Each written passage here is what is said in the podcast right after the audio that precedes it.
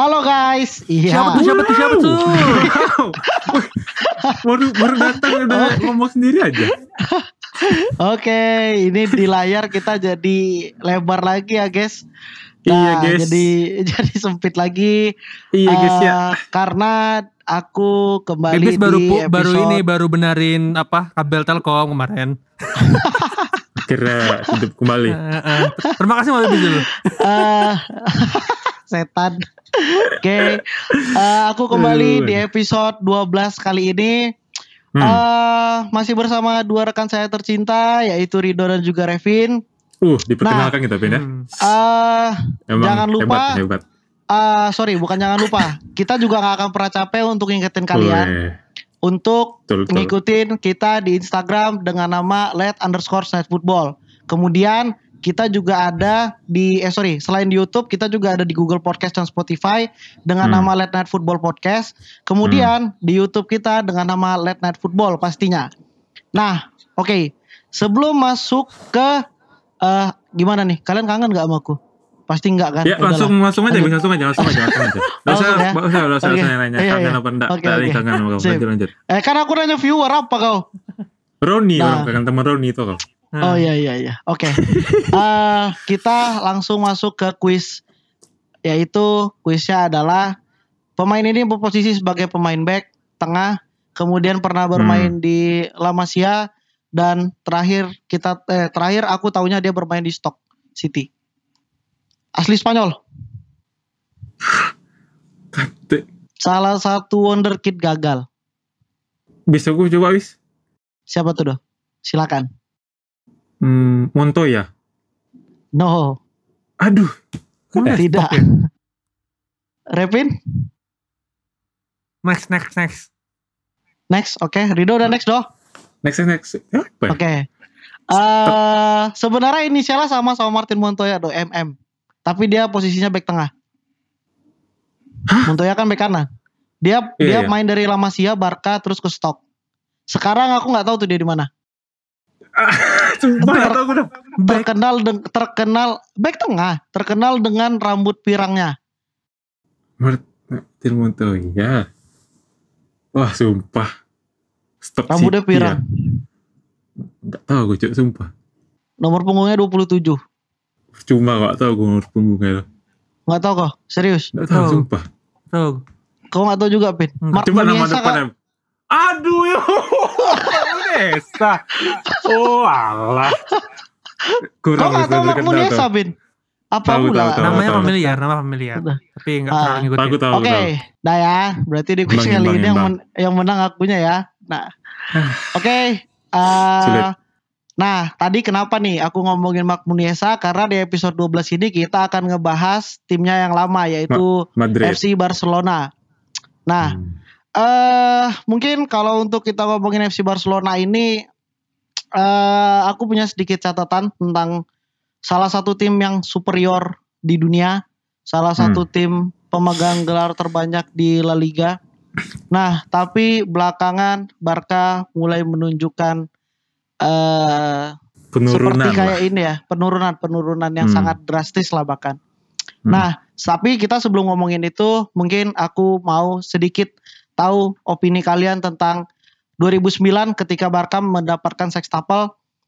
Gimana nih, Doh? Menurut kau setuju nggak dengan kau tahu sendiri kan sextuple Barca di 2009 itu banyak orang bilang Hmm. eh, tahun 2009 skuad Barca adalah salah satu yang terbaik di dunia Terbaik, sepanjang betul, masa. Hmm. Menurut kau gimana nih?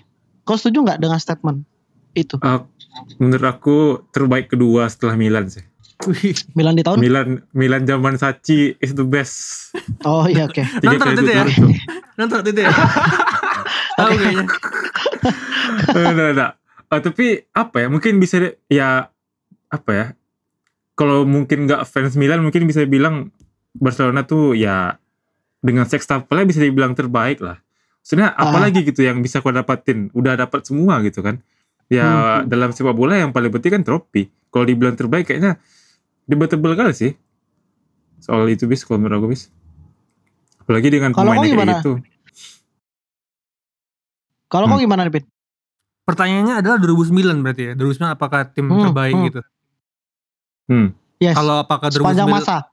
apakah tim 2009 Barcelona terbaik sepanjang masa? Aku bilang enggak sih. Karena di Barcelona sendiri pun Hmm. terbaiknya menurut aku tuh bukan di 2009.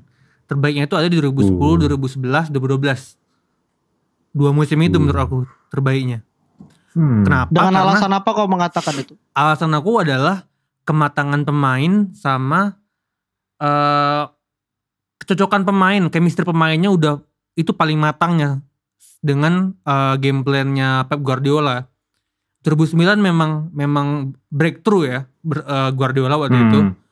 Tapi Obviously. eh, tapi apa namanya mem- memetik panen panen hasilnya itu paling paling paling bagus tuh di 2011 2012 itu menurut aku. Hmm. 2011 2012. Menarik sekali ya opini Bung Repin. Karena kita lihat di tahun Cukup- segitu cukup menarik. itu paling apa ya menurut aku tuh ketika tim mana pun ketika lawan Barcelona tuh, tuh kita pasti takut lah. Siapa pun timnya ketika lawan Barcelona tahun itu tuh nggak ada yang berani, nggak ada yang berani bermain bermain terbuka pasti. Jelas jelas. Oh. Karena karena ya kita tahu itu men- menurut aku 2011 2012 itu paling paling berbahaya secara skuadnya bukan bahkan apa ya? Kalau bicara trofi mungkin Jadi memang lah ya gitu ya. 2009 memang trofi lebih banyak. Tapi secara permainan menurut aku tuh paling bagus sih di 2011 2012 menurut aku sih. Eh, kalau aku Hmm. nyentil tentang pemain pin, apakah ada puzzle yang kurang di 2009 sehingga dilengkapin di tahun 10, 11 dan 12? Aku nggak bakal bakal nunjuk pemain individu secara ini pemain ini pemain ini enggak sih tapi hampir secara starting eleven secara first teamnya itu pemainnya itu udah chemistry-nya jauh lebih baik dibandingkan 2009 tahu kan di 2011 2012 strikernya udah David Villa bahkan Fabregas bisa jadi Hmm. false Pedro. nine Pedro nah menurut aku Hmm. tuh sistemnya itu berjalan dengan baik dengan pemain-pemain ini bahkan memang secara walaupun Hmm. secara kualitas atas paper ya mungkin mereka teknik individunya nggak lebih baik dari Thierry Henry, dari Ibrahimovic, enggak. Tapi Betul. ya secara Itu- sistem oh, mereka itu- lebih bagus. Eto'o kan udah pindah 2009 tuh. Hmm. Kan Dia waktu pindah Sex dong. Tapel kan juara Oh ya. iya, iya, 2009, oh, iya, sorry, sorry. Oh iya, iya masih ada, dia- masih ada, masih ada. Musim depannya itu dia kan pindah. itu- pindah. Iya. Iya, kan itu itu satu pemain tuh yang dapat treble di dua tim berbeda Back to back ya? langsung. Hmm, back to back dah. Gitu sih kalau dari. Oke lah.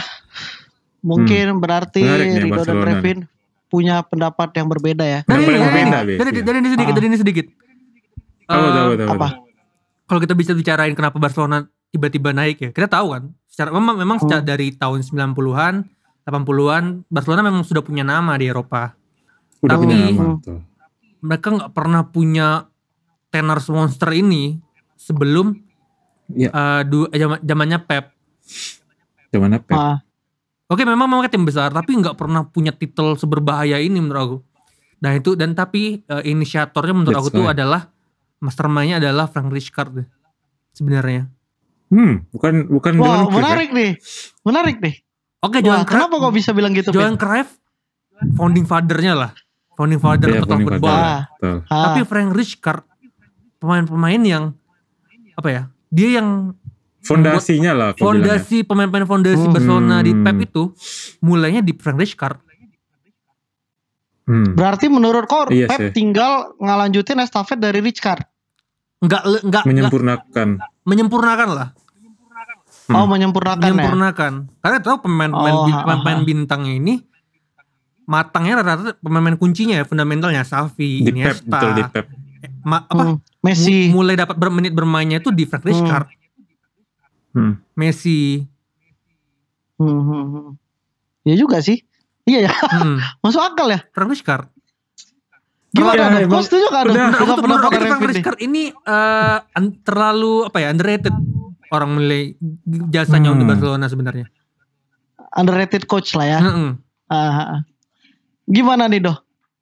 Kalau dibilang fondasi, Hmm? aku ah, kalau menurut aku emang udah udah saatnya aja base gitu. Frank Rijkaard ini pelatih yang yang enggak yang B aja menurut aku. Maksudnya ya emang dia lagi apa ya?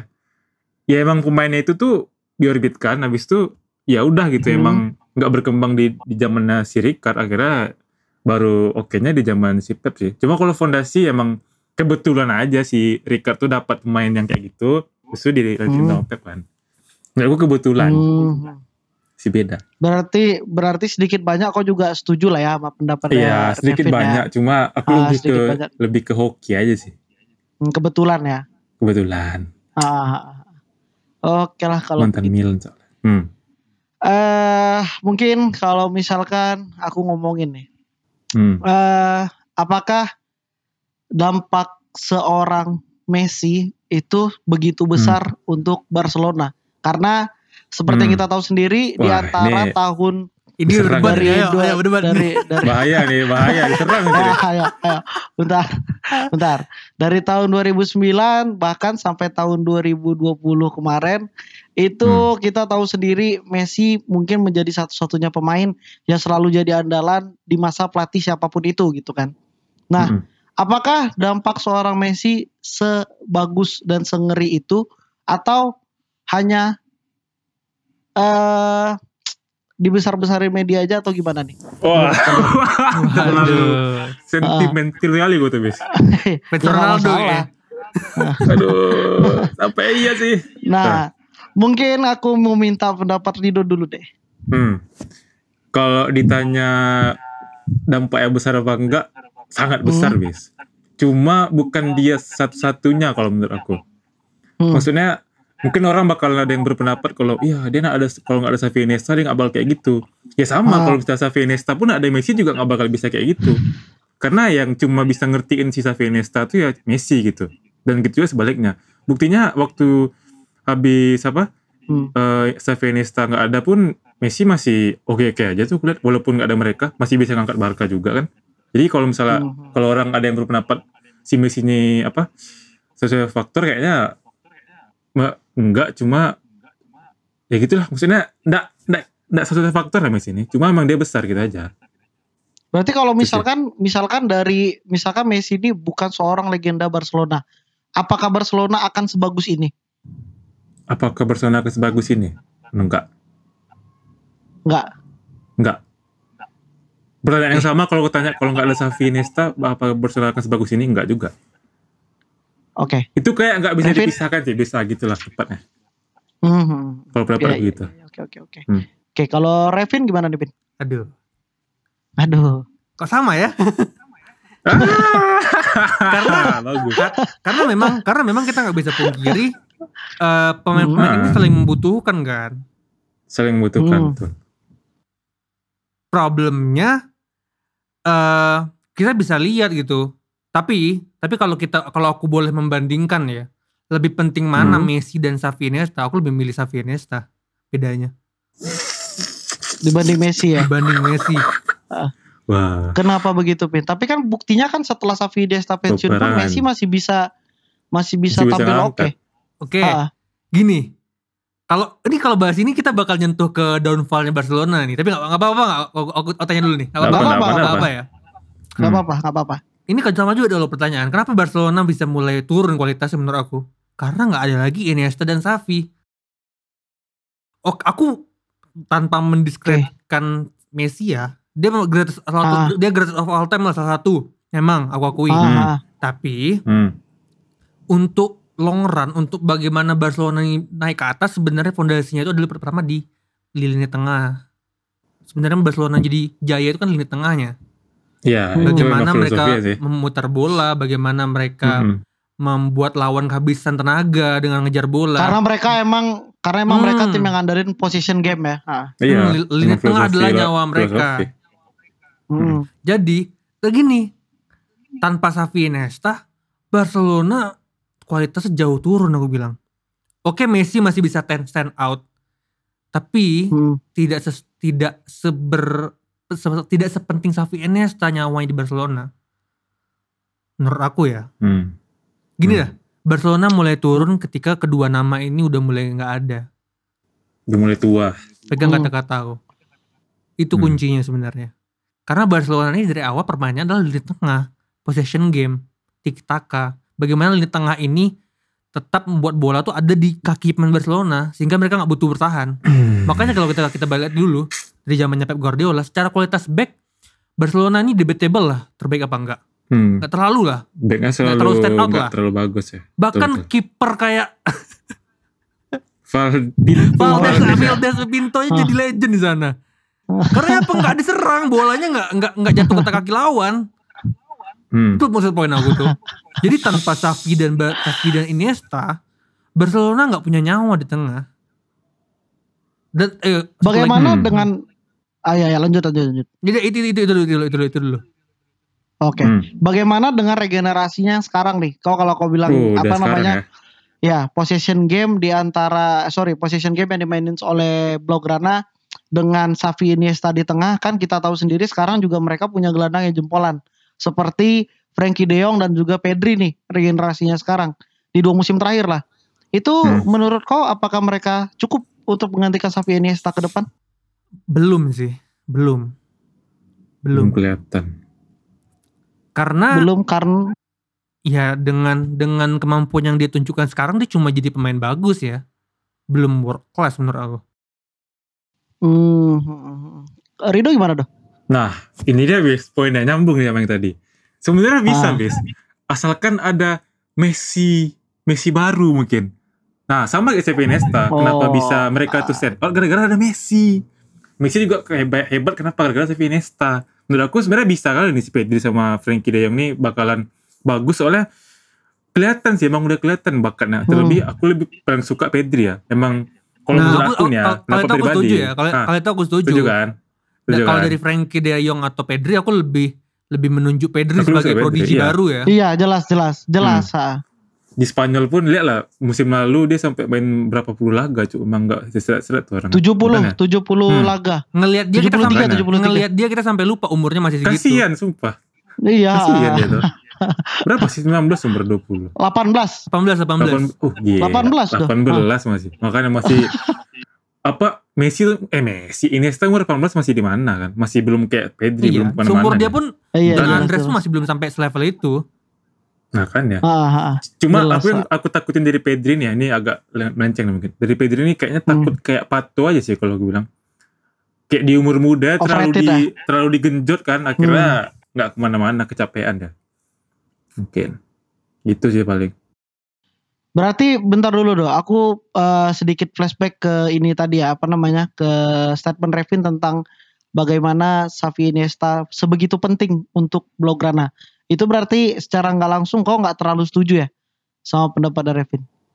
gimana tadi bis Xavi Iniesta nggak terlalu penting Xavi Iniesta kan ah nggak eh, sorry Ah. eh, itu kan menurut Revin kan segitu pentingnya kehadiran mereka berdua nih untuk Barca. Kalau menurut kau berarti tidak sepenting itu. Dari karena dari tadi kau nyebutinnya Messi terus nih. Hmm, enggak gitu sih poin aku. Poin aku tuh lebih ke Jadi- jangan pernah nyebutin Xavi Iniesta atau Messi gitu lah simple lah Iya. Si Rido kalau tuh kamu Oh. nyebutin gitu. Iniesta sebutin Oke, Messi Oke, oke. Nah, soalnya bisa Oke, tapi do, ta- oke. tapi do, tapi do, Hmm. pertanyaan aku tuh, Hmm. kalau aku berstatement Hmm. bahwa kalau di bos Rem- di boleh milih nih, lebih penting Messi Ah. apa Xavi Iniesta buat Barcelonanya? Aku Oke, oke. bilang Xavi Iniesta lebih Nah. penting. Nah, kalau kau gimana? Nah, kalau kau Karena kita udah lihat Wah. contohnya kan, kita lihat dari contohnya nih, kita udah lihat contohnya. Hmm. Messi tanpa Xavi Iniesta dan Xavi Iniesta tanpa Messi. ha, Gimana? Yes! Kau bilang Xavi Iniesta pindah Ya. ha, nah dari situ udah kelihatan kan bis? Xavi Iniesta dua banding satu. Berarti sepenting apa Messi di Barca?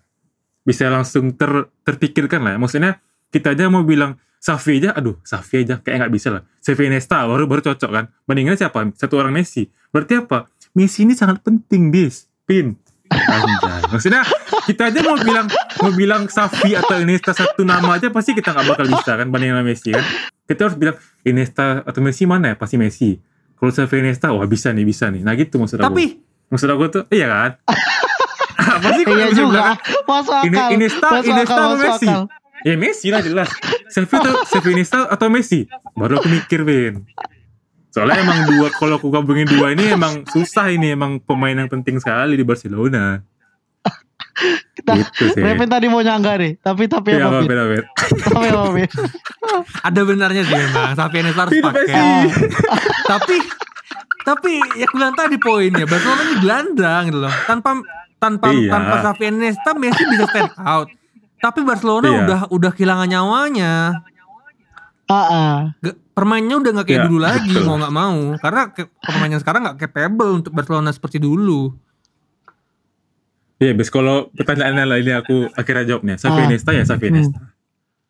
Daripada Apa? Messi. Kalau dia nanya Xavi Iniesta ya, ya Xavi Iniesta Ah. jelas lah. Dua pemain cuma sama satu apa lah guna. Tapi kalau Oh, Xavi, gitu. Xavi atau Messi, ya Messi lah. Iniesta atau Messi, Messi. Hmm, hmm, hmm. Hmm. Tuh.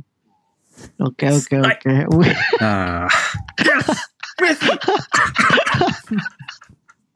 Logic Messi, Rido Messi. nih Woi. make sense juga ya. Gila gila gila. oke guys. Oke. Dia. eh, mungkin itu kita tadi udah ngebahas ya sedikit gimana fondasi permainan Barca, terus eh, Hmm. mastermind, kemudian sedikit apa namanya the Era nge-breakdown. lah. ah nge-breakdown gimana era kejayaannya Barcelona dari tahun 2009 sampai 9 lah kita 2000 bilang. Ah, 15, udah 16, sampai 17 2015 16 lah, 15 16. Oke, mungkin itu kita nge-breakdown masa kejayaan. Sekarang kita nge-breakdown masa kehancuran Barcelona. Wow. Jeng jeng jeng Nah. jeng. Jeng jeng jeng Nah. jeng. Hey Josep Masa Bartomeu. Barcelona. Josep Bartomeu. Aduh. Gara-gara Masa Kasihan, kasihan, Cok. anak-anak kecil gak jadi fans Barcelona lagi. Kasihan, Cok. sumpah. Kita nge-breakdown masa kehancuran Barcelona di bawah tangan Presiden Josep Maria Bartomeu yang membuat Barcelona seolah-olah terlihat seperti tim mediocre saat ini. Hmm. Oke, mungkin eh Rido, gimana Hmm. Rido? Keanehan apa aja yang terjadi di bawah Presiden eh, Bartomeu? Kemudian Hmm. eh, apa saja kebijakan dari beliau yang menurut Hmm. kau cukup merubah Blaugrana sekarang? Oke. Nama orang Bartomeu aja udah aneh. Ada orang nama terus? Bartomeu aja udah aneh. Itu satu, guys. Satu tuh. Poin ya, pertama. satu, satu itu poin yang pertama kedua, ya. oke, terus Ah, dah. Ini apa ya? Udah jelas lah maksudnya dari transfernya aja walaupun waktu itu pemain yang didatanginnya menjanjikan ya, cuma dengan harga Hmm. yang nggak wajar. Tahulah siapa aja Coutinho, Dembele, Ronald Araujo. Cuk siapa cuk itu pemain La Masia. Cuk. Maksud aku yang Amin. didatangin dengan harga mahal lah. Eh enggak, akhirnya Ronald macan Araujo mana pula dari La Masia? Dia datang Oh, dari ya? Brazil. Enggak. Ya itulah pokoknya. Maksud aku nih poinnya yang pemain-pemain harga mahal nih. Kayak yang gue bilang tadi, Griezmann, Dembele, Coutinho itu aja udah aneh kan datangin waktu itu. Vidal lah siapa lah gitu. Dari situ udah aneh satu. Terus gajinya juga kenapa ini nyambung ke akhirnya Barcelona jatuh kali pas Messi keluar tuh gara-gara apa ya? Mana- manajerial manajemen gaji itu nggak pas gitu loh. Pemain yang kayak gitu gaji itu bisa bengkak kali kan. Dan akhirnya ya kayak sekarang lah akhirnya nyambungnya ke Messi yang nggak bisa digaji kan gara-gara itu. Tuh, terus yang ketiga penunjukan pelatihnya aku bilang juga nggak nggak Lucu ya? jelas sih, lucu gitu. Aha. Siapa Ah. aja gitu, si Setien lah, Valverde, Valverde. walaupun Valverde, Valverde ini ah, Bukan pelatih mungkin jelek. Not bad lah. nggak jelek, soalnya Hmm, not dia bad. dapat ah. dua, Cuma- dua dua cuma liga di- juga. Di framing media jahat dia. Ah, Mungkin gara-gara ini benar-benar. Ben, apa? Ah. Kita tahu tadi kan udah bahasan Barcelona ini emang nyawanya di tengah dan waktu itu emang nggak ada pemain yang sekali bersafi Iniesta gitu. Nggak nggak bisa tiki taka lah gitu makanya kayak "Dan ini pelatih jelek nih. Walaupun dia bisa datangin gelar ya. Itu sih. Tambah sekarang si Ronald Koeman cuma aku kesannya Koeman sih maksudnya pelatih yang nggak terlalu jelek cuma gara-gara di di apa namanya diwariskan pemain yang nggak bagus jadinya ya gitu itu tadi Kelihatan jelek. Ah. jelek iya Ah. Itu sih. Oke. paling. Hmm. Berarti tiga poin dari kau ya untuk Bartomeu. Sejauh ini tiga dulu lah. Dari mulai dari mulai namanya aja udah aneh, kemudian keanehan transfer. kemudian ke arah pelatih yang dipilih mungkin Pelatih. agak sedikit nggak capable ya. Ah, Enggak capable. ah. Oke, mungkin Revin poin-poin untuk sang presiden. Ya kalau masalah poinnya udah sampein Rido semua tadi, udah udah, udah itu Hmm. non non nggak di, nggak didebat lah. Hal yang sampein Hmm, itu ya, poin emang semua. itu. Betul, emang itu Termasuk problem nama berarti. problem media. Nama Bartomeu itu udah aneh. Bartomeu. Siapa? Siapa yang mau kasih nama anak Bartomeu itu siapa? Yang lain kayak apa gitu. Lanjut lanjut Bin. ya itulah. Kalau itu aku nggak Hmm. perlu mau mengulang lah hal yang sama pasti dengan Rido. Hmm. Hmm. Hmm. Tapi kalau mungkin kalau bahas yang lain selain manajerialnya banyak. Tapi tapi lanjut dulu gimana? Hmm. Nggak banyak banyak nih. Aku tertarik nih dengan kau bilang banyak tadi itu apa aja salah satunya. Contoh-contohnya. Kita masalah manajerial udah setuju lah ya masalah finansial dengan kawan Hmm, paket gitu pasti dengan itu. disampaikan Rido tadi udah benar. Yang poin Hmm. berikutnya adalah eh produk yacht yacht produk mereka nggak jalan di fase itu kemarin. That's right. Masia-nya jelek. Betul, setuju, Hmm. setuju, ketika setuju. masa Terus, ketika Barcelona lagi di puncak-puncaknya mereka nggak menyiapkan generasi selanjutnya Gitu loh kayak hmm, ya udah kita lagi di puncak nih ya udah manfaatnya pemain yang ada tanpa memikirkan investasi masa depan problemnya di sana kembali waktu itu yang ada malah mereka Hmm. tergoda buat ya udah kita kuatkan dengan pemain yang udah jadi semua. Yang datang ya pemain yang udah jadi di, di fase 2015 sampai sekarang mungkin ya. Ya habis Hmm. habis yang akhir-akhir inilah yang datang tuh pemain jadi semua ya akhirnya apa? Pemain mudanya nggak dapat tempat nggak nggak apa ya nggak dibi aku bilangnya mungkin nggak dibina secara kayak dulu ya. Hmm, akhirnya baru akhir-akhir ini mulai mulai berbenah kayaknya lah Masianya Udah telat sih kalau aku bilang. ya, ta- ya tapi tapi dia udah telat, udah telat. problemnya sekarang tim butuh butuh pemain inti bahkan bukan lagi prodigi gitu ya sekarang kan Hmm, ya, ini hmm, jadi- hmm, jadi- hmm. jadi kenapa nggak dari dulu Sulitnya. Nah, kenapa turunnya itu sekarang? Akhirnya ya apa mereka gak punya penggantinya lini tengah yang capable waktu itu ya. 6 5 tahun Hmm. setelah Safi Safi cabut, Iniesta cabut kan sempat kosong itu. nggak ada nggak ada lini tengah oh. yang yang yang punya punya Sisa Busquets. Heeh. Ah, Tapi kan Busquets Fidel bukan aja inti, yo. Busquets bukan Nggak, playmaker Busquets tapi bukan. kan. ah, ah, ah. Siapa dah? Fidel aja inti kan waktu itu. Iya, Arturo Vidal. 2018 2019 lah. Jadi ya, akhirnya itu lini tengah mereka tuh nggak punya pemain yang bisa bo, apa me- me- jadi playmaker. Yang ada Rakitic, Vidal sama Busquets. Waktu itu kan. Hmm. Ah, ah, ah, ah, ah. Eh tapi ini loh aku ingat deh waktu 2011 lawan MU aku sorry nih agak nyela nih. Hmm. Seingat aku tuh final lah ini laga final UCL loh. Seingat aku tuh Barcelona ini masang berapa ya? Kayaknya tujuh pemain La Masia sih. Itulah saking ngerinya waktu itu La Masia bisa masang tujuh inti loh. Pedro, Pique, Messi, Xavi, Hmm. Nesta, Busquets. Siapa tuh lagi ya? Alba. Alba mungkin ya. Tuh, oh, Valdes, main ya. Valdes, Valdes, Ada Valdes. banyak main Maxwell waktu itu tahun Valdes. lalu. Ya maksudnya ngambil, Fa- sorry Valdes, tujuh pemain tuh. Itulah emang bener kata Devin, kunci emang di yacht sector. Di La Masia-nya. Hmm. Ah, ayo sektornya La mereka butuh kuatin. Iya. Mm-mm. Yang ke berikutnya adalah berikutnya adalah nah ini mungkin bisa didebat Apa juga. nih, apa nih?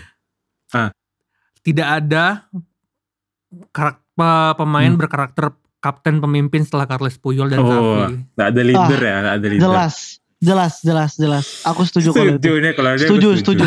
Setuju, setuju. Setuju Messi banget, serius. pemain hebat tapi bukan leader yang Iya. baik. Iya, iya. Bukan tipikal leader. itu kan. Ah, Kita bisa lihat di Iya, Argentina lah contohnya. Mm-mm. hmm. Dan ini kita bisa lihat maksudnya kita lihat kan selama PSG jadi kapten berapa kali dia sering konflik sama pelatih. Berapa kali Hmm. kan? Hmm. Coba ingat-ingat zaman iya. Carles Puyol ada nggak kayak gitu?